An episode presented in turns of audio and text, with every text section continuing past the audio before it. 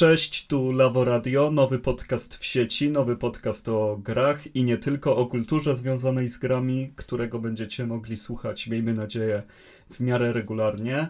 E, ja jestem Arkadiusz Ogończyk, czyli Kaskad. Możecie mnie znać choćby z tego, że prowadzę stronę Lawokado, na której oficjalnym podcaście właśnie jesteście, którego słuchacie, a ze mną jest Marcin Tomkowiak, znany też jako Sakora i jego będziecie kojarzyć głównie z tego, że on e, składa ten podcast, on dba o ten podcast, jest jego twórcą. Marcinie, powiedz coś jeszcze o siebie szybko, o sobie szybko. Jestem obecny, tak, w, w sieci, w grach, e, lubię grać, lubię być w sieci, a teraz będę lubić nagrywać podcast. Fajnie. Marcin od samego początku praktycznie wspierał jeszcze nasze stare projekty związane z rozgrywką. E, ja zresztą też byłem tam mocno obecny, jeżeli to, to jeszcze pamiętacie. Ale obecny projekt będzie trochę, trochę inny. Celem naszego podcastu będzie to, żeby każdy odcinek opowiadał o konkretnym temacie. Będziemy się trzymać jednej tematyki. Nie wchodzimy w tym momencie w rozmawianie o newsach, o nowościach. Po prostu trzymamy się pewnego wycinka rzeczywistości e, z dawnych lat. E, I zaczynamy dzisiaj od młodzieńczych lat PlayStation 2 od konsoli, która dla wielu z nas, wielu z Was na pewno będzie bardzo, bardzo ważna. Była bardzo ważna. Marcin, kiedy poznałeś PS2? Jak to się stało? Wiesz co, PS2 do dzisiaj jest moją ukochaną konsolą, którą mam cały raz pod telewizorem w szufladzie z grami. Yy, dlatego myślę, że początek yy, wydaje mi się, że od, od samego, wiesz, chwili pojawienia się tej konsoli yy, nie ukrywam, że jestem dzieckiem też PS1 to, to jedno z drugim się łączy, tak? Skoro byłem zakochany w PS1 i starych grach, pojawienie się PS2 było takim, o kurczę, yy, przecież to po prostu zjada grafikę, która jest na PC-tach, tak? Jak w ogóle tak można? Myślę, że to jest ten pierwszy element szoku, który się pojawił.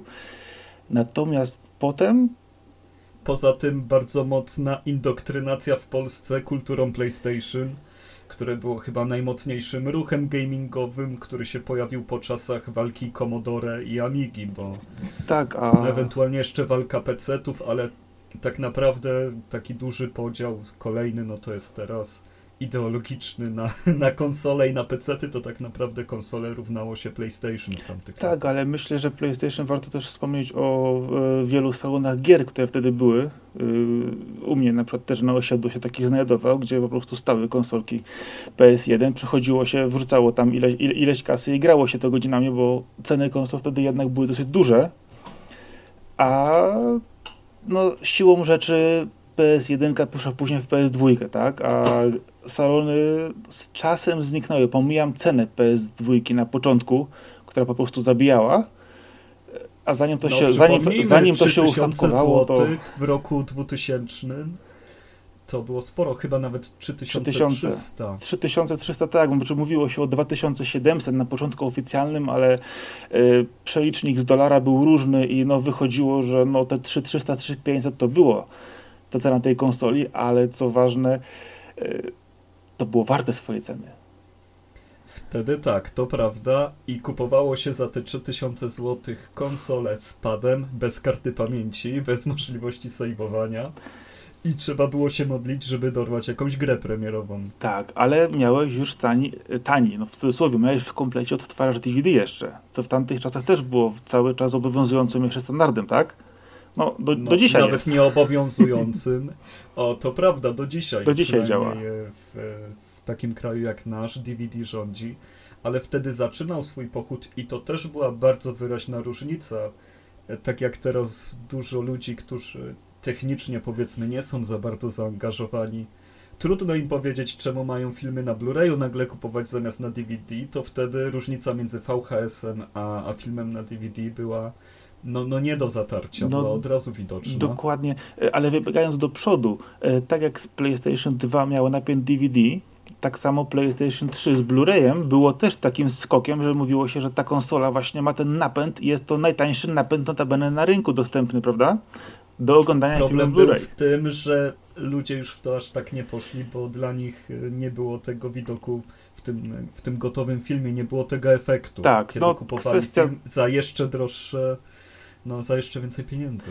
No, dokładnie, ale wracając do PS2, to jednak y, ta konsola miała w sobie to coś po prostu, co no, y, powodowało, no, zmieniało pewien odbiór, tak, grania. Wiesz, teraz patrząc, mówi się, że wszystkie gry, które pamiętamy sprzed tych dekady, dekady czy dwóch są w HD, prawda? Że te wspomnienia są bardziej yy, lepiej wyglądają niż gra wyglądała w rzeczywistości, tak?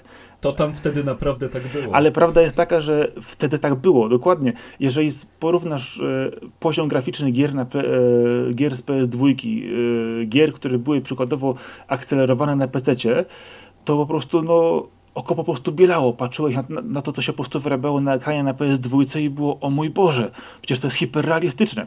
Pomijam, że kiedy grałeś na Nintendo 64 w GoldenEye i widziałeś e, teksturę Shanabina na e, postaci, która była kwadratowa, też było hiperrealistyczne, ale no, każda konsola daje ten jednak taki porządny skok, przynajmniej wtedy dawała porządny skok graficzny, znaczy no i przejście do naprawdę trzeba... takiego innego, innego odbioru rzeczywistości. Trzeba też sobie bardzo wyraźnie podkreślić, że jest to ostatnia generacja, która korzystała z telewizorów CRT. I to też był tak. taki czas w historii, kiedy to no, dodawało tym grom dużo nie tyle uroku, co one faktycznie były zoptymalizowane pod innego rodzaju wyświetlacze i dużo ich wad było maskowanych przez to, nie tylko rozdzielczość, ale też rodzaj wyświetlacze. Tak, one były trochę bardziej rozmyte, nie miały, nie, nie, nie miały takiego, takiego efektu teraz, yy, który w tej chwili patrzysz, tak, że musi wszystko po prostu być totalną żyletą, yy, a często nie jest, to, że to, to, jest temat w ogóle na, na inną rozmowę, ale właśnie patrząc jeszcze dalej wstecz, jeżeli spojrzysz na Nintendo 64, spojrzysz sobie na Dreamcasta, spojrzysz sobie Y, na PS1, tak, to ten efekt na, na, na tym monitorze CRT, który po prostu był, wiesz, lekko zakrzywiony, tak, który często był mały, bo miało się mały telewizor, bo na dużym właśnie rodzice też oglądali, były jednak zupełnie inne, ale PS, PS2 później podłączane na przykład do monitorów już wyższej jakości, nawet z przejściówką, nadal działało dobrze, ale jeżeli podłączysz konsolę starszej generacji, no to już wiadomo, to obraz stracił strasznie, nie? No dokładnie, tam PlayStation 2 miało co prawda dosyć ubogie opcje, ale było kilka opcji wyświetlania obrazu i, i były też różne kable, które były od razu wspierały to, żeby się podłączyć tak. do, y, ja... do monitora. Ale ja... wróćmy jakby mhm. historycznie do tej sytuacji. PlayStation 2 wychodzi. Jak wtedy wygląda e, krajobraz e, dla graczy? Co, co wtedy się dzieje, Marcin? Znaczy, krajobraz jest 2000 rok. Krajobraz jest po lekkiej bitwie. Mówimy o tym, że y, mamy cały czas obecnego Dreamcasta. Zaczynam od tego, bo uwielbiam tę konsolę, tak? Mamy GameCube'a, który pojawił się po prostu jak Filip z Konopi y, w sumie, tak? Mamy Xboxa, też obecnego, no i gdzieś to wszystko cały czas krąży na tym rynku, tak? Niby jest to lepsze od PSX-a, no ale pytanie właśnie to jest cały czas gdzieś to krąży. Masz PS2 obecną w sumie od 2000 roku, tak? Która walczy sobie cały czas z tymi konsolkami mniejszymi, większymi, ale czy mamy wtedy lidera? Nie wiem. No sytuacja była ogólnie też zaogniona przez to, że e, Nintendo 64 poniosło porażkę jeszcze za życia pierwszego PlayStation. Dokładnie. Myślę, że tutaj nikt się nie będzie kłócił z tym, że wyszli dwa lata po PlayStation. PlayStation wyszło w 94. Znaczy myślę, Nintendo że też kwestia konfliktu pomiędzy Nintendo 64 a twórcami PS1, tak? Gdzie na początku te firmy ze sobą współpracowały no, jednak. No trudno było na obie konsole robić gry, nie? No to tak. było bardzo trudne wtedy. Wręcz niemożliwe, no bo sytuacja choćby tego, że Squaresoft przerzucił Final Fantasy VII E, najpotężniejszą swoją markę i jej najważniejszą część na PlayStation przez, e, przez to, że Sony miało lepsze możliwości, oferowało im więcej. Tam było zresztą dużo rozmów ze strony Sony, żeby tak było. Sony im oferowało zdecydowanie większą marżę na każdej sprzedanej grze niż innym producentom. E, nachodzili się tam, wychodzili tą drogę i Final Fantasy VII opuścił e, Nintendo na dobre. Seria, która była zawsze z Nintendo, Final Fantasy, nagle znika, już nie jest z nią kojarzona. Teraz Final Fantasy wydaje mi się, że każdemu pierwsze skojarzenie, jeżeli chodzi o platformy, mimo wszystko będzie już PlayStation. Tak, ale pytanie jest teraz takie, wiesz, z jednej strony mówimy o nowej konsoli, która e, notabene ma nowy procesor w sobie zupełnie innej generacji, która wiesz, dziesięciokrotnie przebija prędkość Nintendo 64, jest połowę szybsza od Dreamcasta. E, ale czy to widać na początku? Myślę, że dużo osób y, twierdziło, że Soul Calibur jest ładniejszy od Tekken Tournament, który wychodził na PS2, a wtedy oczekiwania były takie, że od pierwszej gry, od pierwszego dnia ta konsola powinna mieć y, miażdżącą przewagę. Tego nie było. No nie. Ale Przynajmniej nie strony, wizualnie. Wiesz, no nie, ale przygotowanie, wiesz, y, do dzisiaj jest to obecne, że przygotowanie tej samej gry na dwie platformy jest momentami ciężkie, tak, a przepisywanie jej, czy, czy konwertowanie w drugą stronę, no powoduje, że no, one strasznie tracą, tak, do, dostosowanie gry do jednej konsoli, no powoduje, że często na drugiej jest ona albo kulawa, albo po prostu wymaga się po prostu stworzenia czegoś od podstaw na tych samych asetach, tak? No i to było wtedy całkiem, e, całkiem też nową sytuacją dla branży. Kiedy PlayStation 2 wchodziło, to konkurencją jedyną obecną był wtedy Dreamcast, jeżeli chodzi tak. o sprzęty, które mają 128 bitów, ale Dreamcast y, nie kilkanaście tygodni wcześniej, czy to dokładnie trzy miesiące były, Sega ogłasza, że zaprzestaje produkcji Dreamcasta. I, I tutaj mamy, mamy sytuację, w której nie ma nikogo na polu, tylko, tylko stoi Sony z PlayStation 2. PlayStation 1 umarło praktycznie z dnia na dzień, przestało być wspierane. Coś, co w tym momencie jest sytuacją nie do powtórzenia, żeby twórcy sobie odpuścili tak jak przy wchodzeniu PlayStation 4. PlayStation 3 było bardzo mocno wspierane i prawdopodobnie przy wejściu PlayStation 5 tak samo gry na PS4 będą jeszcze bardzo długo crossgenowe. Chociaż A wtedy plotki, proste cięcie plotki, i plotki mówią, że z PS2. No, przecież wiesz, PS2 cały czas była kompatybilna z PS1, co też dawało pewnego plusa tutaj, tak? Można było odpalić te gry, chociaż kiedy odpalałeś grę z PS1 na PS2, po prostu to pomimo to, że wcześniej gra, gra, była fajna i dobrze się grało, to po prostu w porównaniu do, tym, do tego, co oferowało PS2, gra z PS1 po prostu była takim pełzającym koszmarem już powoli. No nie dało się inaczej, no to jest różnica naprawdę gigantyczna w wiedzy deweloperów i w tym, w jakim stadium były gry, kiedy zaczynało swoje życie pierwsze PlayStation, a, a kiedy drugie. No i wychodzi to drugie PlayStation, nie ma nikogo na polu, tak jak mówiliśmy, i jakie, jakie gry na nas czekają? No bo jeżeli chodzi o pierwsze lata PlayStation 2, no to zbyt wesoło też nie było. Dreamcast się położył zdecydowanie za szybko, bo mógł walczyć tytułami i byłby lepszy. No, Dreamcast miał, miał to do siebie, że w, był dobrym pomysłem, tak? Pomijam, że wizualnie konsolka świetnie wyglądała, to ona miała do, dobry pomysł na siebie. Miała świetne gry, które mogły naprawdę się kon, być kontynuowane przez długi czas, ale to raczej było właśnie oddanie pola na zasadzie o kurczę, wjechali z czymś lepszym, zajadą nas, po co mamy w to inwestować? Y, poczekajmy, zobaczmy, co się stanie, tak? No, ja tego inaczej nie widzę. No, tam było dużo sytuacji bardzo, bardzo skomplikowanych. Jest cała książka Wojny konsolowe napisana o tym, jak bardzo Niez, nie, niezdolne do współpracy był japoński oddział SEGI, amerykański i europejski. To działało jak trzy zupełnie różne firmy, e, wręcz, wręcz sabotażowały się.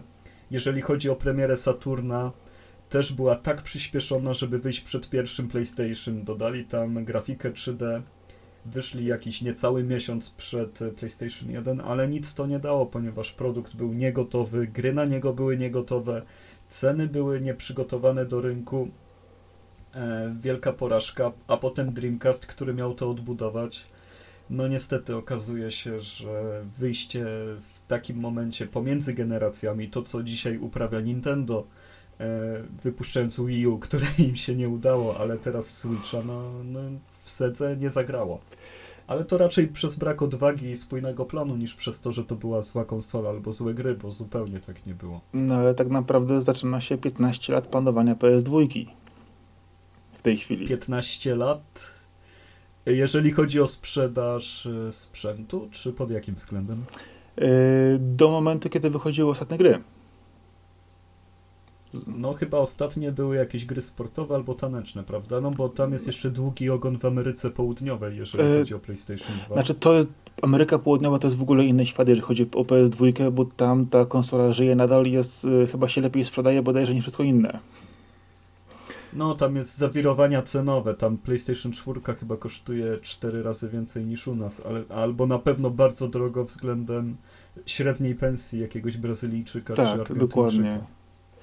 No ale, ale, ale w każdym razie no, mam, mamy konsolę, która w, zamata rynek w tej chwili, tak? Która, która raczej rynek się poddaje, może tak powiedzmy.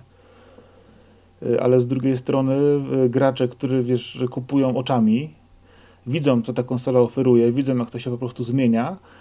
Y, Ja sam pamiętam moje, moje wrażenia wtedy i emocje było, o mój Boże, ale to wygląda, o rety, ale gry. I potem nagle, no właśnie, mamy początek, początek z kilkoma tytułami, które wjeżdżają, y, ale kiedy tak naprawdę PS2 zaczyna robić, wiesz, dobrze, to chyba, nie wiem, y, Znaczy się, powiedzmy sobie szczerze, pierwsze dobre uderzenie było na starcie, bo był tam SSX pierwszy. I to była jedyna gra z tego lunchowego okna, która do dzisiaj myślę, że możemy ją uznać za świetną, wartą polecenia i taką, która trafiła w dziesiątkę. tak, ale To był snowboard zupełnie jakby nietypowy. Tak, ale to jest też ten czas, kiedy te gry tego typu były popularne właśnie, wiesz, sporty ekstremalne, kręcenie bączków, ewolucji, epoka jeszcze Tonego Hawka, którego wszyscy wspominali z poprzedniej konsoli, tak? To jest, to jest, ten, to, to jest ten typ gier, gier, których teraz prawie już nie ma. No tak, to są takie gry po części arcade'owe, albo inaczej, taki arcade właśnie na domowe sprzęty, czyli już nie taki jak na automatach, że masz to, to jedną monetę, jedno życie i grę na dwie godziny, tylko grę szybką, bardzo zręcznościową, która jest przystosowana do tego, żeby bardzo długo w nią grać u siebie w domu i poprawiać swoje rekordy bardziej niż przechodzić ją coraz szybciej e, z coraz lepszym wynikiem. E, Mimo wszystko były też dwie świetne bijatyki, coś co dzisiaj chyba też jest nie do powtórzenia w trakcie startu jakiejś konsoli. Był Dead or Alive 2, to był port z Dreamcasta, Tak. bardzo fajny, ja się świetnie bawiłem kiedy, kiedy w to grałem. No i Tekken Tag Tournament, Czy Tekken, według mnie no jeden z najlepszych Tekkenów w ogóle. tu się zgodzę, No. Tekken, ten Tekken po prostu, no, w ogóle sam, sama, sama seria Tekken, która momentami e, oferowała ci, wiesz, lekko abs- absurda, absurdalną historię, czy absurdalne postacie, ale sposobem gry, wiesz, no, timingiem, wyczuciem po prostu, no, świetnie. No to był prostu- system seller, Dokładnie, wtedy Tekken sprzedawał systemy. Tu nie ma, nie, nie ma co mówić, że e, no, ale z drugiej strony Soul Calibur 2, już później też, który, no... No już, już musieli przeskoczyć z dwójką i do dzisiaj jestem zdziwiony, że nie zdecydowali się na wersję jedynki na PlayStation E, 2. To się Też byłem zdziwiony. Ja jeszcze pamiętam właśnie, kiedy grałem w, w Soul Blade'a, w Soul Edge'a, nawet wersję japońską jeszcze, bo y, na PS1. Tą grę się strasznie długo włączało, bo zawsze trzeba było intro zobaczyć. E, wiem, intro czy po prostu- tak. Intro po prostu jest czymś, ktokolwiek oglądał intro na PS1 po raz pierwszy do tej gry, po prostu to zbierał szczękę z podłogi i nie wiedział w ogóle z czym ma do czynienia. Mówi, o mój Boże, powiedział, to niesamowite. Tak samo wchodziła tam muzyka, która y, y, po prostu grała perfekcyjnie tam. A gra sama w sobie, no grało się dobrze, naprawdę. Ona była szybka, była no nie wiem, plastyczna. Ona, ta, ta gra po prostu dawała dużo. No, Soul Calibur 2 później sporo z tego miał. Naprawdę odzwierciedlał to bardzo dobrze. Do dzisiaj. Tylko nie był już technicznie tak dobry. Yy, nie, Pamiętam, Nie miał tego efektu wow. Nie zawsze był taki płynny, nie zawsze było to 60 klatek. tak. I nie miał tego właśnie efektu wow, który towarzyszyło wcześniejsze yy, części, tak? Która po prostu była czymś odkrywczym, a tu już po prostu była, wiesz, pewną no, kolejną częścią w marce, tak? Dobrą, ale jednak kolejną częścią. Inną ciekawą rzeczą na starcie PlayStation 2 było Dynasty Warriors 2, czyli początek gigantycznej serii, która co prawda u nas jest y, absolutnie niepopularna, ale w tym roku, o ile dobrze pamiętam, wyszło Dynasty Warriors 9. Jest na to ogromna, jakby fanbase jest wielki tych serii. Serie, które określamy mianem MUSO, czyli ty kontra tysiące wrogów, no to wszystko się zaczęło na PlayStation 2 dzięki temu, że nagle konsola miała taką moc, żeby chociaż spróbować tego konceptu, że jesteś na polu walki i możesz atakować tysiące wrogów. Było to bardzo proste e, w swych początkach, ale zbudowało markę, która jest z nami do dzisiaj i jest bardzo aktywna, o której się też no niestety rzadko u nas mówi. Ja przepraszam, jeżeli chodzi o Dynasty Warriors Gundam, to ja pamiętam, ja znam, ja tłukę. Oczywiście, ale Gundamów by nie było, gdyby, gdyby nie ten moment w historii. E, znaczy, wiesz co, Gundamy... Ogólnie jest bardzo dużo odnóg teraz. Znaczy, jeżeli mówimy, jeżeli mówimy o grze Dynasty Warriors, jeżeli chcesz porozmawiać o Gundamach, e, to zaczniemy w 78 roku, ale innym razem. Oczywiście, oczywiście. Przejdziemy do, do tematów Gundamów i wielkich robotów, to już możemy chyba zaspoilować. Tak, będzie to jeden z tematów. Tym, którzy, którzy nas słuchają.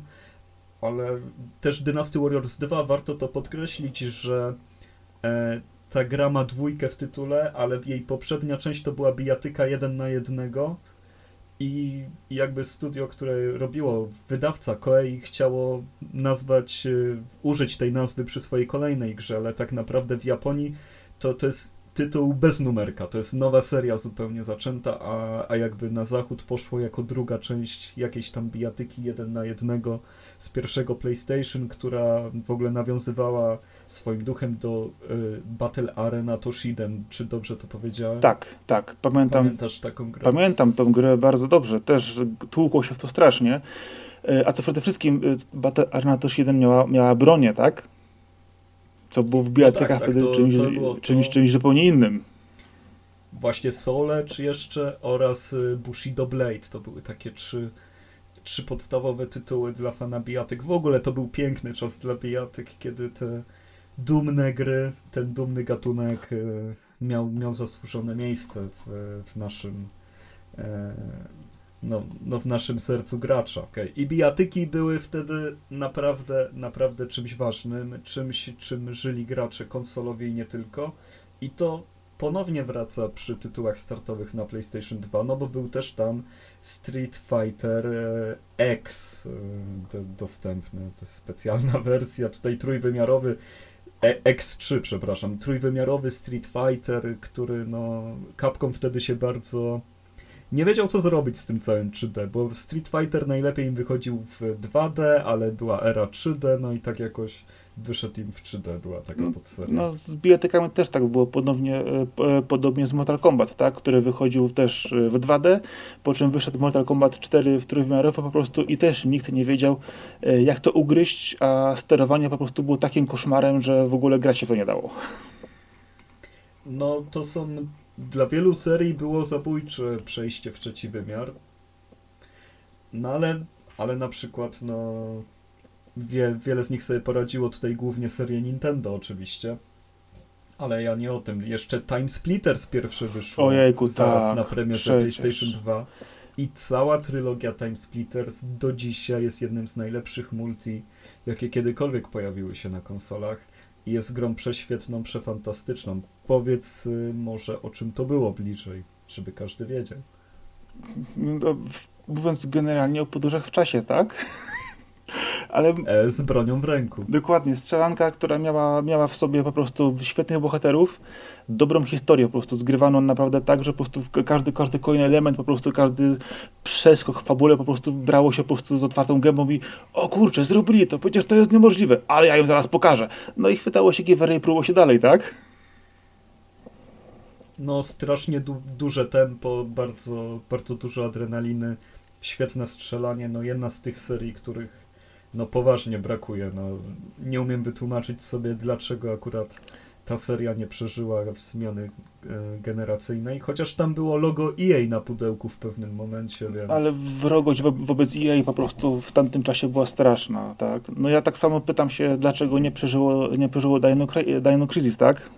Które też było na PS1. Oj, myślę, że Dino Crisis jesteśmy dużo bliżej nowego niż czegokolwiek z Time Splitters e, w tytule. Y myślę, że tak, ale, ale brako brakowało jednak tych tytułów później, tak? były, była, była jedynka, była dwójka, tak? Notabene też wyszły na PC, ale dalej no to przeskoczyło to zupełnie w Xboxa, tak?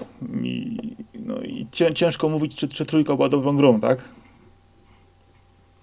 Która, wiesz, no, według mnie cała seria jest y, wciąż godna polecenia. Myślę, że, no dobra, nie odpalałem jej od lat, ale wydaje mi się, że nawet dzisiaj by, by się obroniła. Może to są już okulary no, nostalgii, ale, ale powinna dać radę.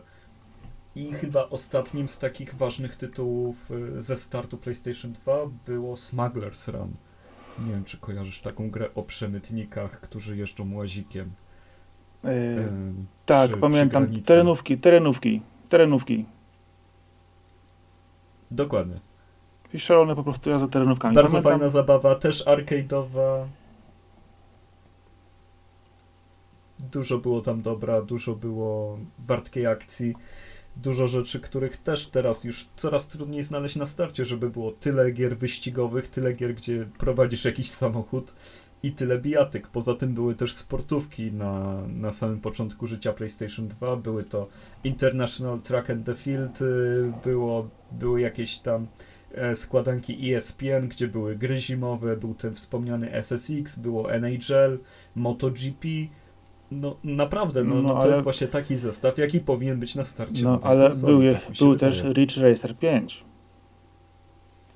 Ridge Racer 5, z którym mam dosyć y, trudną relację, powiem szczerze. Znaczy ja w ogóle z każdą kolejną, kolejną częścią, która była poza PS1, mam, mam też trudną relację, bo y, patrząc na e, ostatnie e, Ridge Racery, które wyszły, które się po prostu, wiesz, usiłowały być nie wiem czym e, pseudo-burnoutem, tak, e, notabene burnout jest genialny, tak, ale nie jeżeli ktoś go usiłuje podrobić, a tym bardziej jeżeli Ridge Racer, który miał też swoją markę, który miał też swój sposób podejścia do, do, do jeżdżenia, no dziwnie to się potoczyły te losy tej gry.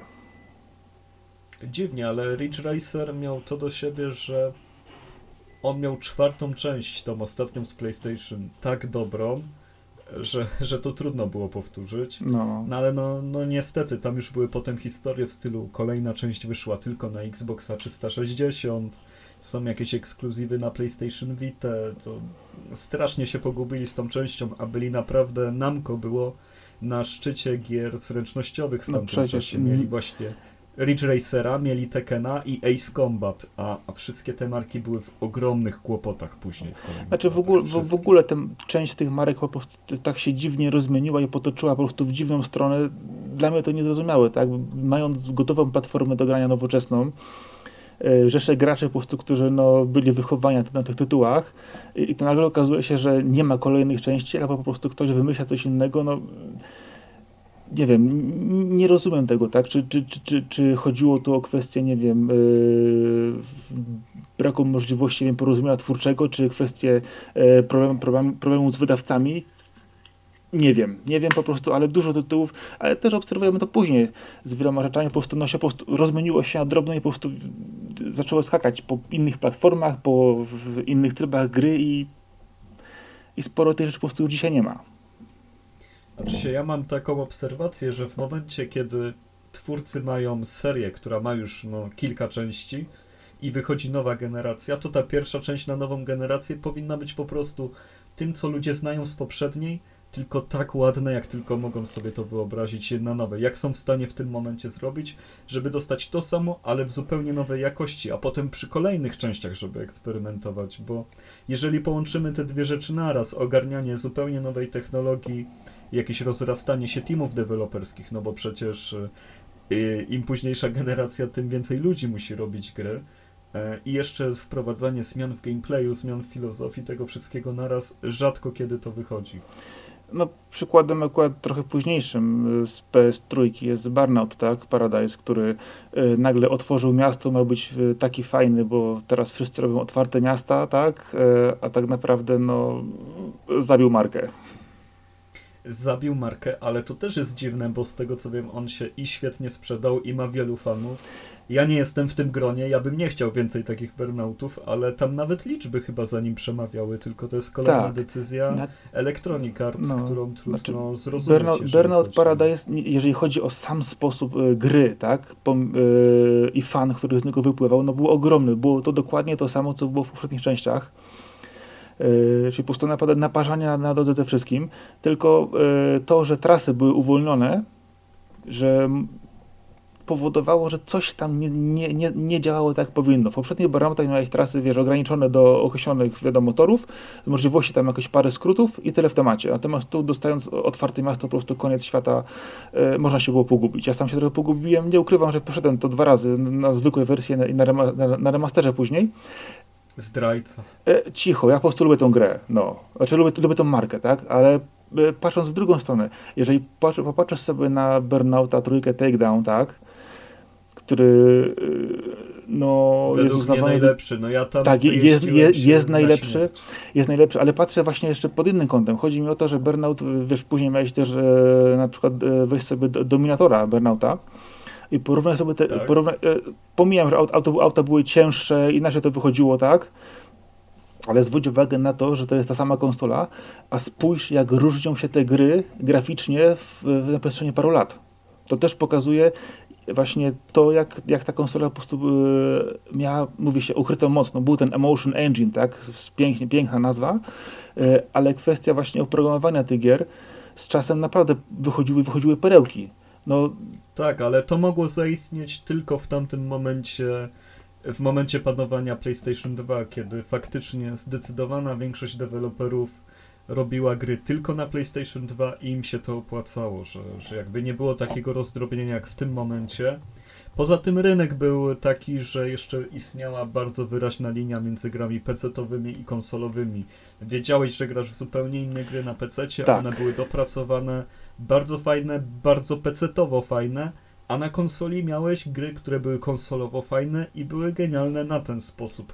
Od momentu, kiedy nam się te szkoły zlały, jakby no, no rzadko się zdarzają nam wybitni przedstawiciele obu szkół gdziekolwiek, bo no, no, no tak musiało być przy uśrednianiu. Teraz większość gier jednak ukazuje się na wszystko yy, i to, co kiedyś właśnie je rozróżniało, był ten niesamowity feeling właśnie tego grania na konsoli, że po prostu, to co mówisz, czuło się po prostu grać w coś zupełnie innego, gdzie była inna myśl, inny sposób zarządzania w ogóle tym, inna, inna prędkość No i vice versa na PC też, no, były zupełnie innym e, feelingiem. Tak, no, e, wiesz, e, patrząc no, dwie dekady temu prawie, tak, to co się działo na PC, to też zupełnie, zupełnie inne gry, ale o tym my się też porozmawiamy sobie w, w, kwestii, w kwestii na przykład przygodówek, tak? Bo to jednak był ten czas, no bo to jest ten czas, kiedy przygodówki po prostu rządziły na PC, po prostu były, no, były piękne y, pod względem przede wszystkim historii opowiadanej i grafiki też, nie, nie wszystkie, ale powiedzmy, tak?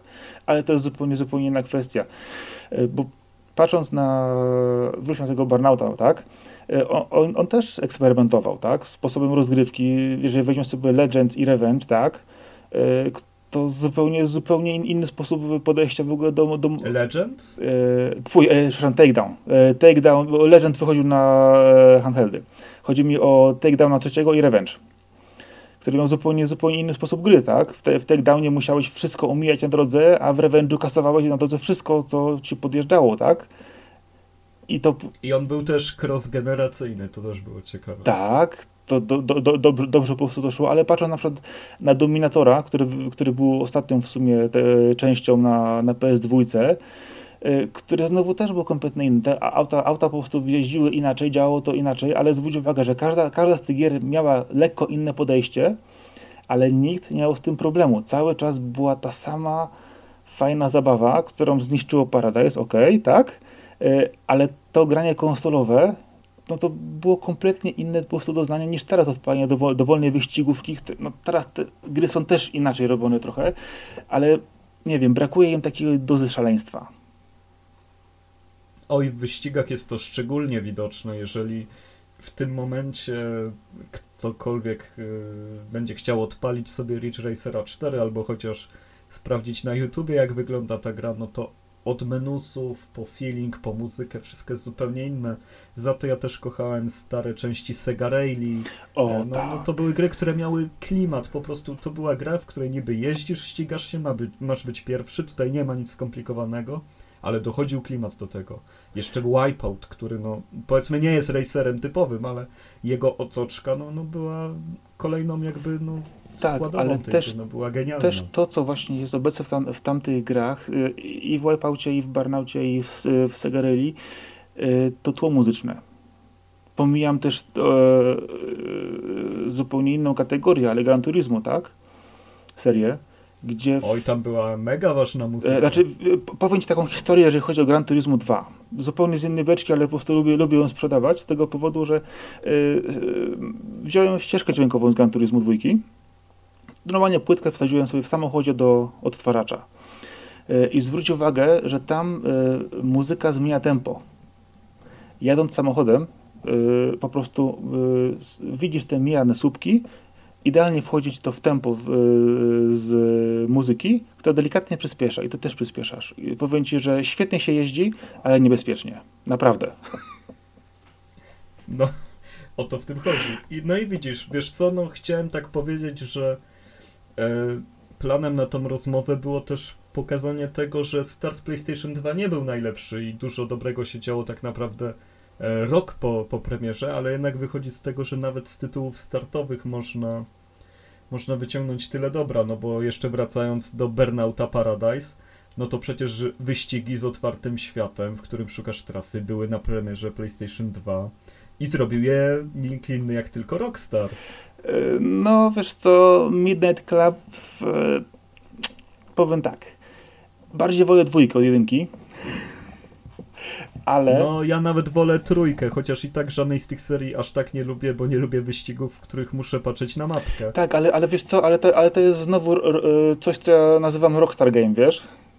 To jest też. E, no na pewno. To jest e, inny sposób, sposób budowania, wiesz, rozgrywki. Tam jest historia, tak? Tam jest. E, no to wiesz, barnauty działy się w różnych miejscach, i w miastach, i, na wsi, i, i, w lasach, i nad morzem, i wiesz, wszędzie. A tu akurat miałeś typowe podejście, wiesz, wyścigi nocne, które wiesz, są też wiesz, brane jako takie zupełnie wiesz, inna, inna kategoria, tak? Pomijam NFS Underground, tak?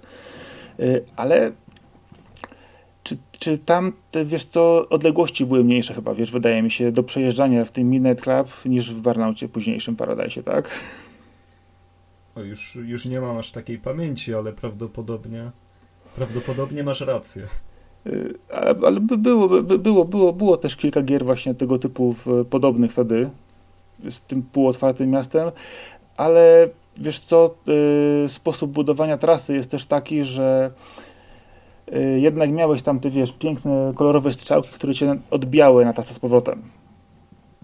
I to jest ta jedna różnica. No tak. To jest ta różnica właśnie, że... No, to jest bardzo ważne w takich wyścigach, żeby, mnie, żeby środowisko mówiło ci dokładnie, gdzie jest przeszkoda. To jest bardzo, bardzo y, ważne. Tak, no bo znowu wracając do Paradise'a, tak? Y, kierunkowska, z której ci pokazuje, gdzie jest najbliższy skręt, nie jest najlepszym wyjściem, tak? To jest bardzo niedobre wyjście. Dokładnie. Nienawidzę tego wyjścia. Wolałbym naprawdę nie wiem, jakie rozwiązanie bym wolał. Wolałbym pilota chyba jak w Colin McRae, żeby tam był na. Albo, na albo chociaż e, ta, taką, yy, nie wiem, no, obijacze na trasie, widoczne dobrze, tak? Nawet gdybyś mógł przez nie przejechać, A, tak? Albo żeby był wgrana jakaś nawigacja polska, żeby Hołowczyc mówił, gdzie, gdzie tam skręcić. No tak, ale to w, w Hołowczyc dobrze, no ale to z drugiej strony potem jeszcze ktoś ci powie, że on chce Martynę Wojciechowską, bo w innej wersji też było, tak? Na pilocie i co powiesz? No.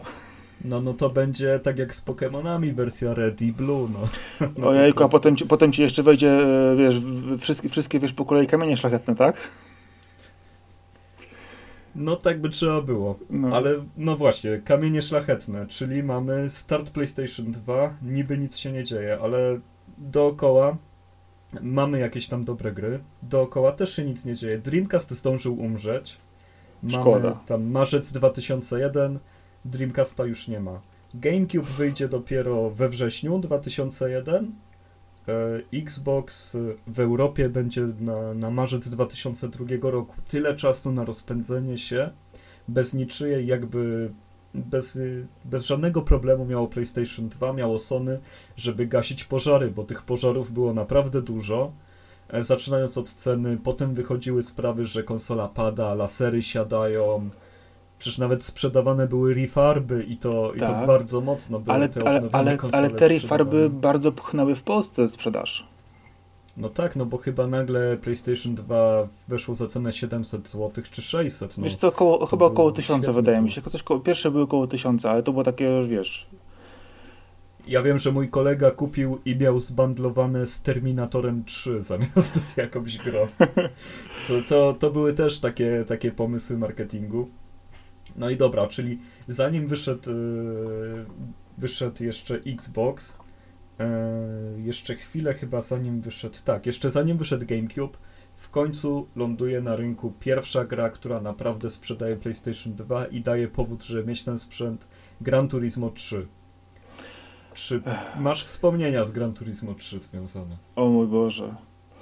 Wiesz co, to... Jest kwiecień 2001, przychodzi Ta, wiosna. Ale wychodzisz na dół. Nie, wiesz co, nie, sam, sam, sam tytuł po prostu Gran Turismo po prostu powoduje, że wiesz, nogi cię po prostu miękną i myślisz, o rety, nie? E, wiesz co, piękna rzecz, nie? Nie ma co.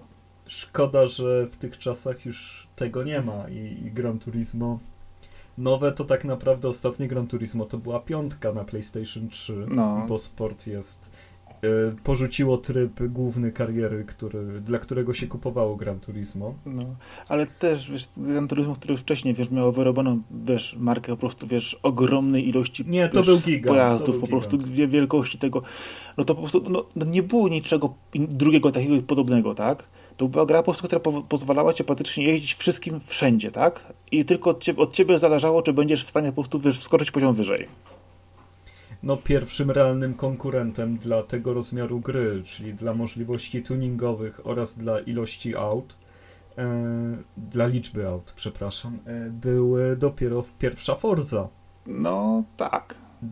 To i w tym momencie, gdzie jest Forza, gdzie jest Gran Turismo, tam, tam naprawdę coś, coś wyraźnie nie zagrało przy przechodzeniu na kolejną znaczy, generację. For, czy Forza jest? Gdzie jest Gran Turismo? Tak powiedzmy. No tak, tak, o to, mi, no. o to mi chodzi, że Forza ciśnie praktycznie z roku na rok, na przemian już się rozbiła na dwie serie. W sumie Gran Turismo też by mogło być na przemian sport i, i numerowane normalnie odsłony, ale myślę, że jakbyśmy taki pomysł zarzucili y, w Sony, to by nas wyśmiali, jak oni tutaj się modlą, żeby co 5 lat wyszła jakakolwiek e, część. tak, a, wiesz, na, nakład pracy, który jednak wymaga ta gra, a biorąc pod uwagę sposób, wiesz, wiesz, no powiedzmy sobie tak, dokładności, które oni po prostu do, do tych gier po prostu przykładali, tak, nakładu pracy. Pom... Ogromny pietyzm tam e, jest, tam po, pomijam, prawdziwe świry. Po, po, pomijam już te wcześniejsze, wiesz, modele zwykłe, modele premium, e, jest kokpit, nie ma kokpitu i tak dalej, to jednak e, ilość po prostu tego sprzętu, który w tym jeździł i po prostu charakter gry techniczny, jednak stricte techniczny, no nie ma, nie było czegoś takiego wtedy i, i teraz też no, no na pewno nie ma teraz gry, która tak mocno wyścigowej, która tak bardzo by się odróżniała od konkurentów swoją skalą, dopracowaniem, no i jeszcze przede wszystkim mieć tak przepiękną grafikę. Dla mnie wtedy była fotorealistyczna. Doskonale tak. pamiętam reklamę, która leciała w przerwie meczów Ligi Mistrzów na kasecie miałem i oglądałem po prostu. Honda S2000, jak no. sobie staje w nocy. Nie, no, taka jest prawda, że mamy te wspomnienia w wiele wyższej rozdzielczości niż te gry rzeczywiście były, ale, ale to też jest e, kwestia po prostu e, czasu, że jednak e, tam wtedy też był to duży skok graficzny, tak, i został zapamiętany jako coś obłędnego, a teraz tego zupełnie, zupełnie po prostu już nie widać, no bo wszyscy po prostu cisną w tą grafikę fotorealistyczną i nie ma takiego skoku technologicznego, jaki właśnie kiedyś był widoczny, tak, no, ale z drugiej strony popatrz sobie na, na PS2, która z czasem dostała network adapter. Można było wpiąć dysk twardy, dysk, dysk twardy. twardy. i po prostu to było, wiesz, to było nagle kompletnie, wiesz, coś innego. Jak konsola, która jeszcze tego, wiesz, e, wreszcie działa po sieci, tak? Która ma dysk twardy, który oferuje zupełnie inne możliwości. Chociaż tu trzeba oddać to, że pewnie nigdy byśmy nie dostali tego, gdyby nie Xbox. Bo to Xbox posunął granie po sieci na konsolach, a PlayStation wyszło od razu dwójka, oczywiście ze slotem na dysk twardy, ale ruchy Sony były tak żwawe, że... Znaczy oni mieli ten slot taki uniwersalny, rozszerzeń, takie, takie gniazdo, którego miało być docelowo różne, różne rzeczy podłączone, no ale no do dzisiaj widać po prostu, że Sony czasami też nie ma pomysłu na siebie, wiesz, mają coś w ręce i tak wiesz, no mamy to. Naładują pomysłów ile się da i patrzą co chwyci. Tak, tak, mamy to, w sumie to podłączyliśmy, ale no, nie wiem, nie, niech rynek zweryfikuje, tak, no ale no, już, już było też to przy PS Trójce, że napchali w to nie wiadomo co, rynek nie zaczął weryfikować i mieli problemy, tak? No i I po tym Gran Turismo, które w końcu wyszło w 2001 roku, w lipcu dopiero w Europie, e, to dużą kolejną grą, taką genialną, było Devil May Cry pierwsze, które do nas trafiło w grudniu, trochę wcześniej do Stanów, no i, no i wiadomo, dużo jeszcze wcześniej do, do Japonii. Devil May Cry stworzył nowy gatunek zupełnie. Devil May Cry, no, rozwalało czaszki każdemu, kto w to zagrał. Było niesamowitą grą, niesamowitym pokazem tego, że, no, że taki tytuł mógł powstać tylko jakby stworzony przez studio pokroju Capcomu.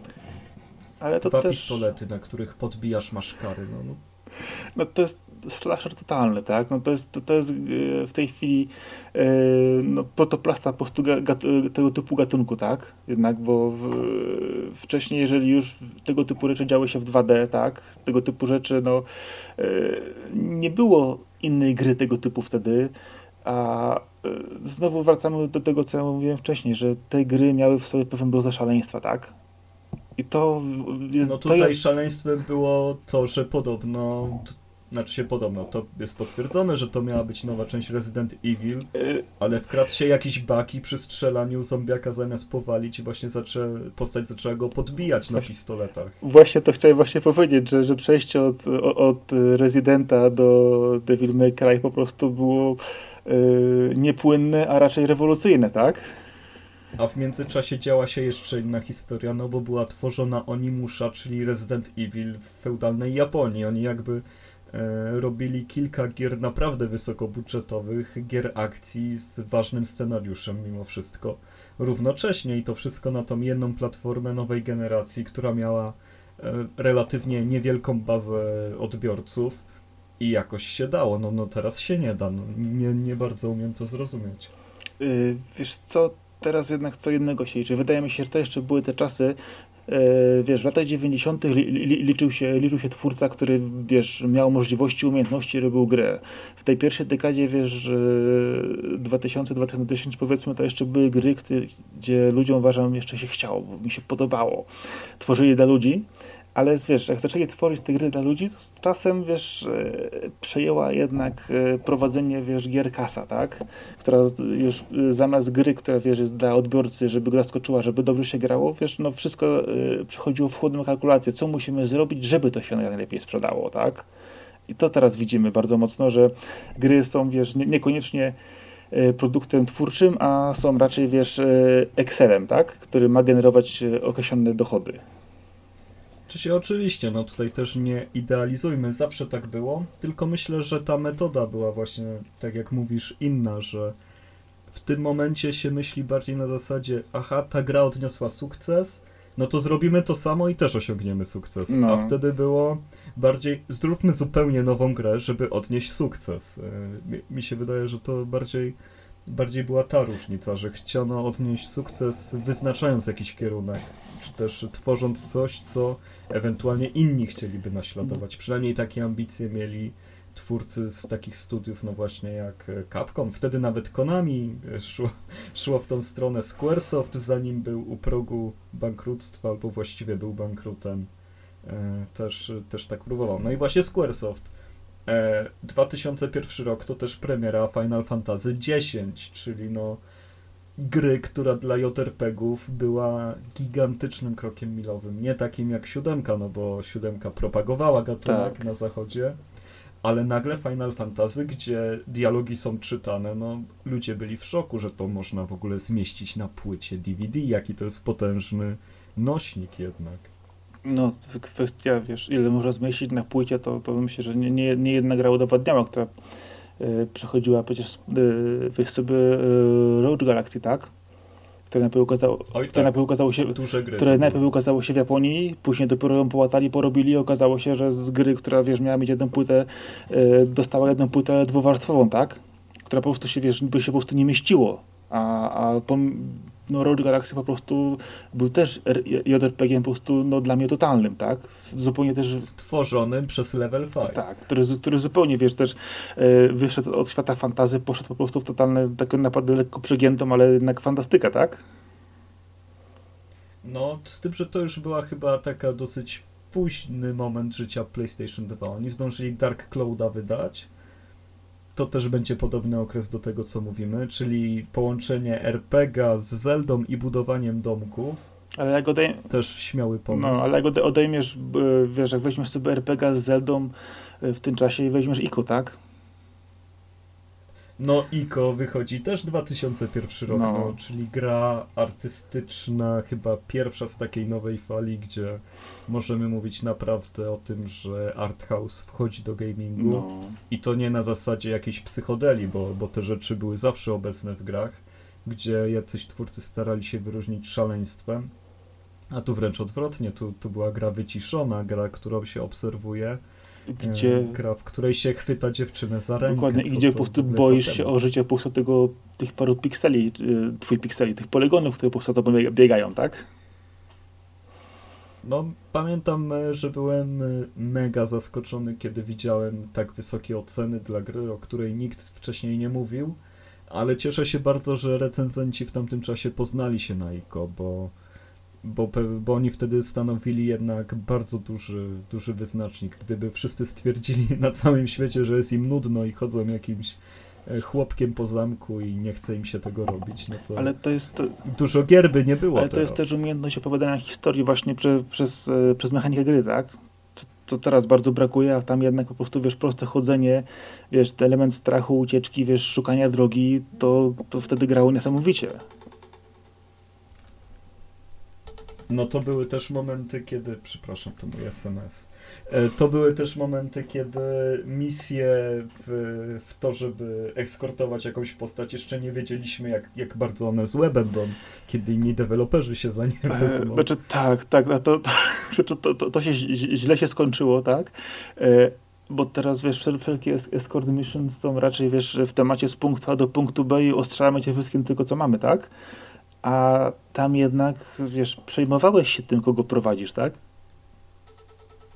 To jest trochę inaczej.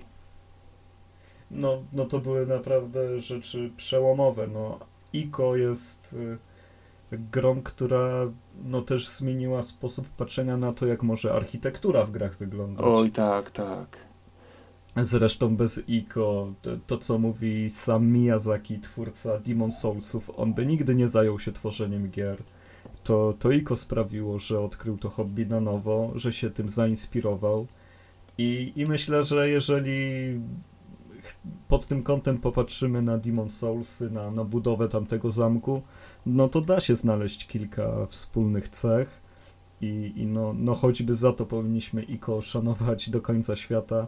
A, a to, co na koniec generacji zrobił pan Ueda z Shadow of the Colossus, ojej, ojej. To, to już przeszło wszelkie możliwe pojęcie. Nie, to jest... Łącznie z tym, że w ogóle, że to działało na Znaczy pomijam, pomijam, że się jednak grywało na PS2, czy później ta e, wersja poprawiona na PS3 to uratowało, ale sam charakter gry po prostu to jest e, dla mnie to jest jedna, to jest po prostu wiesz gra, która u mnie jest wiesz w, to, w, w top 10 po prostu wiesz wszystkiego, tak? Wszystkie gier, które w ogóle grałem. Wiesz, gra, która... Trudno, żeby było inaczej. No, no, no tak, ale y, wiesz, y, mówisz komuś, wiesz, jeździsz, jeździsz sobie konikiem po pustym świecie i szukasz potworów, tak? No i potem je ubijesz i, i co z tego, nie? No, ale kiedy dowiadujesz się, dlaczego to robisz, jaka jest, jakie jest w ogóle, bez zdradzania, tak, zakończenie tej historii, nie, no. To też w pewnym sensie jest y, gra, która stworzyła nowy gatunek, no bo w tym momencie mamy dosyć dużo tytułów, które opierają się tylko na walkach z bossami. Tak, ale mam wrażenie, że y, później te walki z bossami raczej wiesz, były, były pokazaniem y, y, na zasadzie, co możemy jeszcze wymyślić, żebyś, żeby, żebyś się nauczył, jak się boss rusza, żeby go załatwić, tak? A tam jednak ta historia grała, grała bardzo mocno, tak? To było, wiesz, no, do, do, momentu, do, momentu, do momentu, jak nie zrozumiałeś, co właściwie robisz i dlaczego, wszystko, wszystko było bardzo fajną grą, tak? A potem y, zaczynałeś odczuwać po prostu, wiesz, no, y, no kurczę, ciężar. ciężar tego decyzji, tego, tego, wiesz, y, ceny, jaką płacisz jako postać w tej grze, tak? Twoich czynów. No to jest, to jest cięż, ciężki materiał. No to jest wybitna robota, która właśnie też mechanicznie zainspirowała wielu twórców do tego, żeby powstawali ciekawsi bossowie, a nie podzielony na trzy fazy, pojedynek, wstrzelanie w świecący się punkt na ciele jakiegoś tak. potwora, e, co, co lubi Resident Evil robić cały czas. Ale no, no to już mniejsza z tym. Resident Evil rządzi się własnymi prawami i nie powinniśmy się czepiać tej marki. E, zamiast tego nawiążmy do kolejnej gry, która zdążyła się ukazać w 2001 roku na PS2 Jack and Dexter. Ojej. Wielki, wielkie zaskoczenie, przejście w pełne 3D od Naughty Dog. Porzucili Crasha i jakby w ogóle się tym nie przejęli. To się wydawało niemożliwe. Ale wiesz co, na, na, na złe im to nie wyszło. Na złe im to nie wyszło. Ja nie ukrywam, że pierwszy Jack and Dexter był taki, y, o fajnie, jest coś ten. Ja bardziej, bardziej wspominam dwójkę, która po prostu rozwinęła w ogóle tą ideę no, niesamowicie. Y, ale wiesz, y, dwójka gości, tak, niby jakaś historyjka, wiesz, pomijam, że nic nie mówili, tak? Bo to też było... Znaczy się mówił Dexter. Tak. Jak się dopiero odezwał w drugiej części, to było strasznym szokiem też i dowcipem, który krążył w tym, tym czasie ale wiesz co, taka e, w sumie wesoła, momentami wiesz, przegięta platformówka po prostu ze strzelaniem, no to było jednak coś świeżego. E, wiesz co, dla mnie przede wszystkim to była gra, na której nauczyłem się grać gałkami analogowymi, tak. że lewa gałka to jest poruszanie postacią, a prawa kamerą, co dzisiaj jest tak Normalne, bardzo logiczne. Tak. Wtedy, wtedy trzeba było ustanowić ten standard bo jeszcze rok wcześniej, w roku 2000, jak wyszło Alien Resurrection ze sterowaniem FPP, gdzie prawą gałką celujesz, a lewą chodzisz, zostało zjechane przez recenzentów na całym świecie oraz niezrozumiałe przez graczy, bo tam się nie dało sterować. Wszyscy mówili, że to jest gra z najbardziej niewygodnym sterowaniem na świecie, a ma dokładnie to samo obłożenie praktycznie co gry, w które gramy teraz, tylko wyszła widocznie w złym momencie, była źle promowana no, I tak dalej. I tak samo było, że no, ja przynajmniej na całej erze PlayStation pierwszego grałem no, krzyżakiem. Wtedy się grało tak. na przyciskach fizycznych, analogii. No było to Ape Escape, które cię uczyło niby grać na analogu. Było kilka gier. Na Gran Turismo sobie ustawiałem gaz też na analogu i hamulec. No, co później e... też w wielu grach było obecne do, domyślnie, na przykład. E... Ale ale żeby się całkowicie przestawić, to dopiero właśnie serię Jack and Dexter, Ratchet and Clank, Sly Cooper, to, to były te trzy takie genialne serie platformówek, które PlayStation 2 miało i takiego bogactwa platformówek nie miała już potem żadna konsola, nie. nawet biorąc pod uwagę to, co Nintendo potrafi wyczyniać u siebie. Ale jednak, bo, bo, jednak PlayStation potrafiło robić w serie, które były dosyć zwarte i wiesz, tak jednak Nintendo, wiesz, eksploatuje ciągle te, te same swoje postacie, tak, masz e, ogólnie Mario, ogólnie Linka z Zelda, tak, i to się pojawia coraz w wielu inkarnacjach, natomiast wiesz, w PlayStation jednak pojawiały się nowe rzeczy, tak, były nowe serie, nowi bohaterowie po prostu, które no kupowałeś od razu, tak, biorąc pod uwagę Slaja, znaczy Slaja po prostu ja po prostu zjadłem w całości, po prostu od razu, na raz, praktycznie. Dwójkę uwielbiam, no. szczególnie jeżeli chodzi o Slaya, tak samo jak Jacka. Ale też no, kwestia Nintendo jest taka, że oni mają po prostu ograniczone środki i ograniczoną, no, ile tam osób pracuje. No, jak obłożą już wszystkich do robienia kontynuacji swoich serii, to ilu im zostaje, żeby zrobić coś nowego. Ja myślę, że tutaj unikają e, rozrostu prze, przesadnego, co jest bardzo mądre, ale też przez to stopują dużo kreatywnych pomysłów. No, też no, też ruszali trochę rynek do przodu. Weźmy Nintendo 64, tak? To jest w ogóle też temat rzeka. No, mieli, mieli, mieli swoje, wiesz, parę razy, parę, parę dobrych akcji, gdzie napady, wiesz, no, pokazywali, że potrafią nie, no, iść do przodu, nie? Ani, ani trochę nie mam zamiaru im odmawiać, no w końcu gry konsolowe ściągane na konsolę, no to były na NESie już, a, a nie na, na jakimś Dreamcastie, tak. Xboxie czy, czy PS2 oni byli bardzo mocno zawsze nowatorscy często te pomysły dopracowywała dopiero konkurencja, ale, no, ale Nintendo zawsze potrafiło wyznaczyć kierunek. zawsze, zawsze mi się najbardziej podobało to, że pewne e, niektóre gry Nintendo 64 miały e, karty e, z grą, które miały dodatkowy procesor, dodatkową pamięć, żeby ją w ogóle obsłużyć, tak? Które wspomagały konsolę samą w sobie w działaniu. Weź sobie, no, weź sobie to, to są uroki tak? kartridży. Dokładnie. Kartridży dlatego były tak drogie, bo były różne. Tam chyba na SNESie Super Metroid był reklamowany w ogóle jako gra z najpotężniejszym kartridżem, że tam były nie była jakaś tam super pamięć zamontowana. Chyba ona e, 2 megabajty ważyła. Nie wiem, czy to jest teraz realne w tamtym roku, czy, czy nie przesadziłem, ale, no. ale tam były takie wartości. No, ale to, to też potem wymogło jednak to, że zamknięta specyfikacja konsol wymagała jednak później już innej optymalizacji, tak? Pomijam teraz kombajny, które po prostu wiesz E, zupełnie działają inaczej, ale wtedy na przykład e, jak spojrzysz to, co mówiłem też wcześniej na, na czy na, na grach, które wiesz, wychodziły na początku PlayStation 3 przykładowo, nowe gry wyglądały gorzej niż te, które wychodziły na końcu PS2, które po prostu były dopieszczone maksymalnie, tak? I też, no... no po, poza rozdzielczością oczywiście. Oczywiście, poza rozdzielczością. Z tym się nie dało, nie dało wygrać, ale ogólnie plastycznie i gameplayowo PlayStation 2 na końcu swojego życia było naprawdę mega dopieszczoną platformą, to. która miała wszystko z każdego gatunku, dla każdego. Tam był nawet pierwszy Half-Life, jak ktoś był, chciał. Był, tak. Więc, ale, ale, ale wiesz, ale na PlayStation 2 był, był też ITO i gry ruchowe, tak? Które, wiesz, że działały bardzo dobrze. No, SingStar zadebiutował, Mo można wymieniać no. tonę rzeczy. No ja... Więc wrócę tutaj do tematu bo jest Silent Hill 2 jeszcze z 2005 Ale wiesz co, to, to, to jest chyba, wiesz co, y, to jest chyba moja top gra ze wszystkich w ogóle. Ever, wiesz? Znaczy, Oczywiście. Więc zamieniam się w słuch, opowiedz. E, e, wiesz co, dlaczego. dla mnie Silent Hill, wiesz co, jedynka była, jedynka była wiesz, czymś fajną historią, było wiesz, czymś, wiesz, e, horrorem, wiesz, opowieścią, wydawałoby się, tak, o, o kimś szukającym kogoś w mieście. Nie chcę naprawdę spoilować, bo to są gry, po prostu trzeba przejść i zrozumieć, tak, ale Silent Hill 2 po prostu dla mnie to po prostu było, wiesz, pewne objawienie, tak, to było, po pierwsze graficznie wyglądało niesamowicie, tak, Oj, to modele, tak modele po prostu. Postać Jamesa. Dokładnie model Jamesa postaci. Z innej galaktyki. Dokładnie po prostu patrzysz i mówisz, o kurcze blade po prostu, wiesz, co tu się dzieje, tak?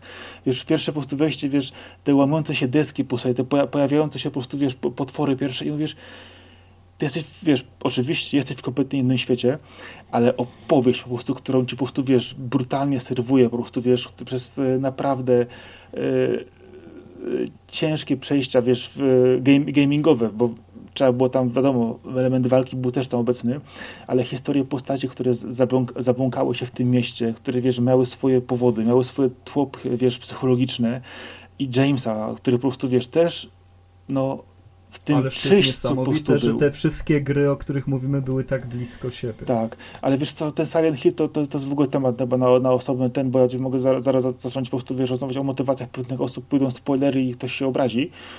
Yy, nie no, nie możemy, nie możemy. spoilować nie. Silent Hilla dwójki, nie, nawet nie. jak będziemy nagrywać ale ja za 50 do, do, lat. Tak, ale nie bez spoilerów, ale zakończenie dwójki, kiedy zaczynasz po prostu, widzisz po prostu co się stało, dlaczego i o co chodzi i po prostu wiesz, kiedy po prostu wiesz, ta, ten element naprawdę miłości między tymi postaciami, po prostu wiesz, tego tragizmu wychodzi na jaw.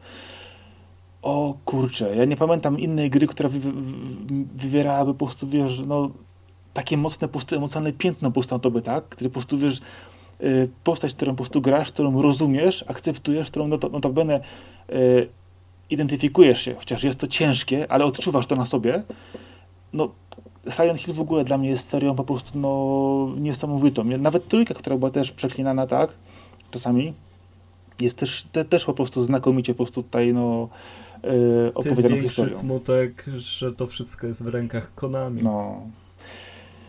I że Kojima mógł robić nowe Silent Hill. No, I robił nowe Silent Hill. No i niestety ukręcono tej kurze głowę.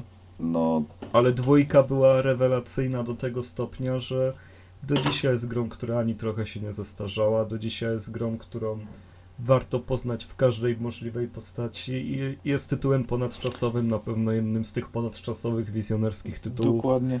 A warto ten tytuł akurat na przykład znaleźć sobie wersję na Xboxa albo na PC, gdzie masz dodatkowy wątek jeszcze jeden w historii, rozszerzony troszkę i graficznie też jest jest trochę lepiej. Już.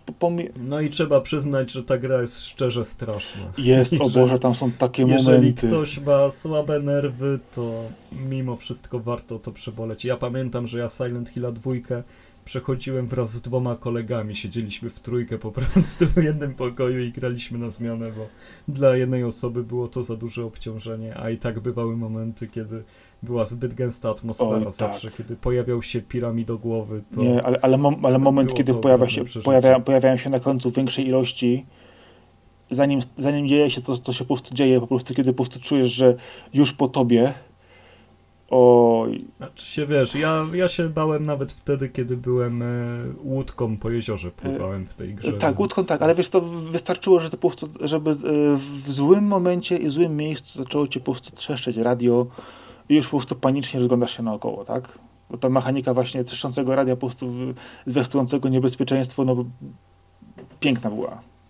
Bardzo dużo wybitnych patentów, które widzimy w grach do Dokładnie. dzisiaj, a zwłaszcza w horrorach. Było już w Silent Hill 2, no ale też w zasadzie w jedynce, bo dwójka jest taką turbo uber wersją dopracowaną dosłownie wszystkiego, co było w jedynce, jest tutaj kilka razy jeszcze lepsze, a już jedynka była grą, która się wyróżniała w katalogu pierwszego PlayStation, gdzie było też y, bardzo, bardzo dużo genialnych gier. A, a na sam koniec omówienia gier, które wyszły w, pierwszy, w 2001 roku, czyli tak naprawdę no tym, kiedy się zaczynała ta naprawdę wysyp panowania PlayStation 2, no to jest nikt inny jak y, Grand Theft Auto 3, y, gra o wielkiej kradzieży aut, która no podobno miała całkiem niezły wpływ na branżę, nie wiem jak ty to widzisz. co, nie znam tytułu, e, nie wiem, nie, rozumiem w ogóle, co to w ogóle była za gra. Wiesz co, tam w poprzedniej części można było grupę Elvisów przejechać. Ach, ja wiem, e, tych, to- tych e, Hare Krishna się rozjeżdżało chyba, tak, coś koło tego. Dokładnie, No. a, a w tej nowej części to już, y, to już wiesz, masz zielone spodnie i idziesz przed siebie. Tak. A możesz iść za siebie, jak ci się podoba, albo w lewo, albo w prawo, I, celować do wszystkich i strzelać. I ważne, żeby znaleźć czołg. Też ważne, żeby znać kod na czołg, bo E, no, to jest tak, zdecydowanie ważniejsze. tak. Nie, ale Ale już na serio, no dla sandboxów nie było lepszego momentu chyba. nie, wiesz, to ta gra po prostu była, e, no, wiesz, patrząc na, na jedynkę i dwójkę Gran, Turismo, e, Auto, tak, e, to po prostu patrzysz, że wiesz, kurczę, no pierwsza, pierwsza miała fajną muzykę i śmiesznie się jeździ, jeździ, te ludki rozjeżdżało, tak, e, dwójka miała lepszą grafikę, ale przejęli z, z czasem gry. I wchodzi trójka i tak, e, ej, ale tu można jechać gdzie się chce, ej, a tu można kogoś rozjechać, czekaj, tu policja reaguje, a tu jeszcze jest historia. I tak, ale zaraz, ale tu jest most zablokowany. I to, no to po prostu to, ta gra W po prostu... to, że możesz e, sprawić, że samochód wybuchnie w 3D, każdy na ulicy, Tak. rzucisz granat w tłum ludzi, no, no tam były rzeczy, które są teraz tak oczywiste w grach, No. zaistniały i stały się prawdziwe dzięki GTA 3, no to była tak naprawdę gra czysta mechanika, no bo tutaj chodziło głównie o osiągnięcie techniczne, jakie zrobił Rockstar. Y, Tak, ale wiesz, to, ale, Ale, to, ono to, było to, niesamowite. to zdziwienie, że w ogóle to działa i wchodzi płynnie i że to jest, wiesz, yy, nie, że to się wygrywa lokacja, tylko po prostu jedziesz i jedziesz i jedziesz i to się, wiesz, ni- nic się nie kończy, tak? Możesz obiegać miasto naokoło i wiesz, y, W ogóle kto mógł się wtedy spodziewać, że jakieś studio ze Szkocji będzie panować nad światem i wyznaczać wszystkie trendy, jeżeli chodzi o blockbustery. no, Bo, bo tak jest do dzisiaj i nie zapowiada się też na zmianę, bo moment, kiedy Rockstar zapowie, czy to nowe GTA, czy nowe Red, Red Dead Redemption, no to jest moment, kiedy internet zamiera i nie ma ważniejszej rzeczy. no. Tak samo jak t, nie ma nigdzie więcej pytań niż kiedy wyjdzie na PC i to, to jest też taka tradycja. Znaczy, wiesz, kie- kiedyś było jednak tak, że te gry konsolowe, stricte konsolowe nie wychodziły nigdzie indziej, tak? A w tej chwili y, wychodzą wszędzie na wszystko i to też trochę to No też się tak, ale. Rockstar akurat wypuszczał na PC to od zawsze z takim poślizgiem, tak. ale wypuszczał, nie? No. Chyba na San Andreas tam najdłużej było oczekiwanie, ale nie chcę, nie chcę wprowadzić w błąd. No ale wiesz co, San Andreas chyba było najlepiej sprzedającym się gier, grą na PS2, jak dobrze pamiętam, wydaje mi się. Oj, tu, tutaj to możemy pojechać grubo, bo, bo nie wiem właśnie, czy jakieś Poczekaj, poczekaj, poczekaj, poczekaj, to zaraz, zaraz sprawdzimy, mi się właśnie coś kojarzyło. To ty sobie sprawdź, a ja powiem, że GTA 3 Yy, e, wyszło w momencie, w którym... już wiem. E, no, no, słucham cię. Yy, więc powiem Ci tak, yy, bestselling na PS2, pierwsza trójka. Miejsce trzecie Gran Turismo 4 11,76 miliona. Miejsce Mhm. drugie Gran Turismo 3 iSpec 14,89 i miejsce pierwsze San Andreas 17,33. Niesamowita No. sprawa. A, a, a, na, a na, czwart, na czwartym miejscu jest zdanie. e, Vice City, a dopiero Final Fantasy X jest na piątym. No, to jest raczej... A na szóstym GTA 3. Dopiero na piątym. No. Ale chciałem dokończyć zdanie, że to gra miała premierę miesiąc po zamachu na World Trade Center, co też było no dosyć kontrowersyjne, chociaż oczywiście no, bez, bez żadnego zamiaru. E, I tam chyba, o ile dobrze pamiętam, e, żadnego wątku z tym związanego nie było. Rockstar w ogóle jeszcze nie był w- e, świadomy chyba sukcesu, jakiego czeka. Nie, myślę, że, że wtedy akurat jeszcze nie, nie. Dopiero ko kolejne części zupełnie, wiesz, zmieniły po prostu optykę, jeżeli chodzi o, o te, tego typu gry, tak, które po prostu, po prostu rozszerzyły kompletnie, wiesz, tą mechanikę, dały ci, wiesz, więcej zabawek, więcej świata, więcej po prostu wszystkiego. No, chociaż wiesz, no, powiedzmy sobie szczerze, e, Vice City e, jest jednak moją ulubioną częścią, tak? Ale nie wiem, czy pamiętasz, jakie było wtedy wzburzenie wśród graczy i dyskusja, czy to jest moralne wydawanie Vice City, bo to właściwie ta sama gra z podmienionym z podmienionymi modelami, tam się za dużo nie zmienia, No, dodali muzykę no, ale i przebrali większa. ich w koszulę i co sami Była, sobie była myślą, większa, nie? była większa, wiesz, do, do, dodawała jednak trochę rzeczy. Wiem, ale No. wtedy to było uznawane za dodatek, który Rockstar chce wydawać za, za pełną cenę. Wtedy była jeszcze, w ten sposób się patrzyło na gry, że kolejna część to musi być coś nowego, Odkrywczego. a dodatek musi być nie, niedrogi, co? Bo musi być odkrywcze przede wszystkim, musi być, wiesz, czy czymś zupełnie, No. wiesz, co, co, co wstrząśnie, wiesz, e, marką, tak, na przykład, no wiadomo, GTA 3 w stosunku do poprzednich części GTA było totalną zmianą, tak, ale do dzisiaj tłuką kolejne części GTA, e, które są e, podniesione graficznie, podniesione mechanicznie, ale są tym samym.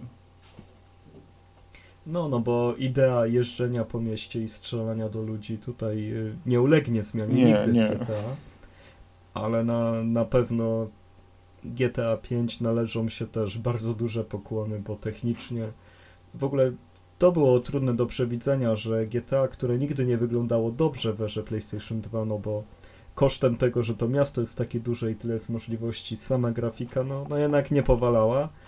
To w- przy premierze czwórki, a potem piątki, no, no to to były już takie benchmarki dosyć, nie? To już się okazało, że Rockstar potrafi tworzyć też genialne oprawy, no i teraz Red Dead Redemption 2 to również potwierdza. No, no ale to jest, to, to jest tak, że po prostu masz co jakiś czas gry, po prostu, które są, wiesz, no e, nie, nie, nie tyle wyznaczykiem marki, nie, nie rewolucją, po prostu, wiesz, a takimi, wiesz, kamieniami milo- milowymi, które sprzedają ci jeszcze raz to samo, ale lepiej i ty naprawdę czujesz to lepiej, nie, że jesteś oszukiwany, że ktoś ci, wiesz, odcina kupony od kolejnej części, która jest taka sama, wiesz, tylko coś dorzucili małego, tylko ty naprawdę widzisz, że włożone jest to ogrom pracy i pomimo tego, że jest to, wiesz, kolejna odsłona tej samej, tej samej historii, po prostu to jest, dostajesz naprawdę coś więcej i czujesz to w graniu, tak?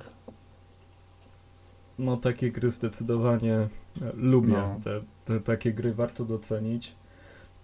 I, I myślę, że właśnie na tym docenieniu GTA 3 założymy taką stosowną klamrę na ten, na ten odcinek i też na te szczenięce lata PlayStation 2, bo już po premierze GTA 3 sprzedaż konsoli skoczyła tak bardzo i była tak bardzo rozpędzona, że zarówno sequele gier, o których już mówiliśmy, jak i zupełnie nowe pozycje zaczęły wychodzić z tempem naprawdę karabinu maszynowego, jak jeszcze się pojawił Prince of Persia, Sense of Time choćby, to, to już Tak, był naprawdę Ale w tym, jeden ze ale szczytowych w, ty, w tym czasie też wyszła jedna z moich ulubionych gierek, co pada nie grałem miałem na PS, na, na PS dla PlayStation, tylko na PC, ale Summoner.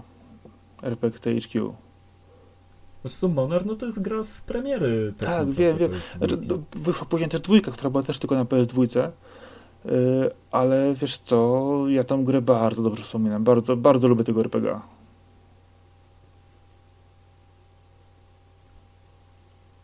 Cisza. Cisza. No właśnie. No myślę, Cisza. I no dobrze, no to zostawiamy ciszę na to, żeby, żeby nie wiem, ktoś chciał się z nami może pokłócić, podyskutować. Zapraszamy do zostawienia komentarzy albo chociaż podesłanie tego podcastu e, innym osobom, które, tak jak wam się wydaje, lubią słuchać o grach, lubią podcastów o grach i też no, czują e, sympatię do PlayStation 2 albo chcą się czegoś więcej dowiedzieć o tym sprzęcie. E, ze mną był Sakora, czyli Marcin Tomkowiak. Dziękuję Ci bardzo za nagrywkę. Dziękuję bardzo, Arku. No i ja jestem Arkadiusz Ogończyk, czyli, czyli Kaskad. Ja się z Wami żegnam. Zapraszam do, do nasłuchiwania kolejnych odcinków, do czekania na nie oraz do sprawdzania tego, co, co można przeczytać na Lawokado. Dzięki, Dzięki. cześć. Na razie. Cześć.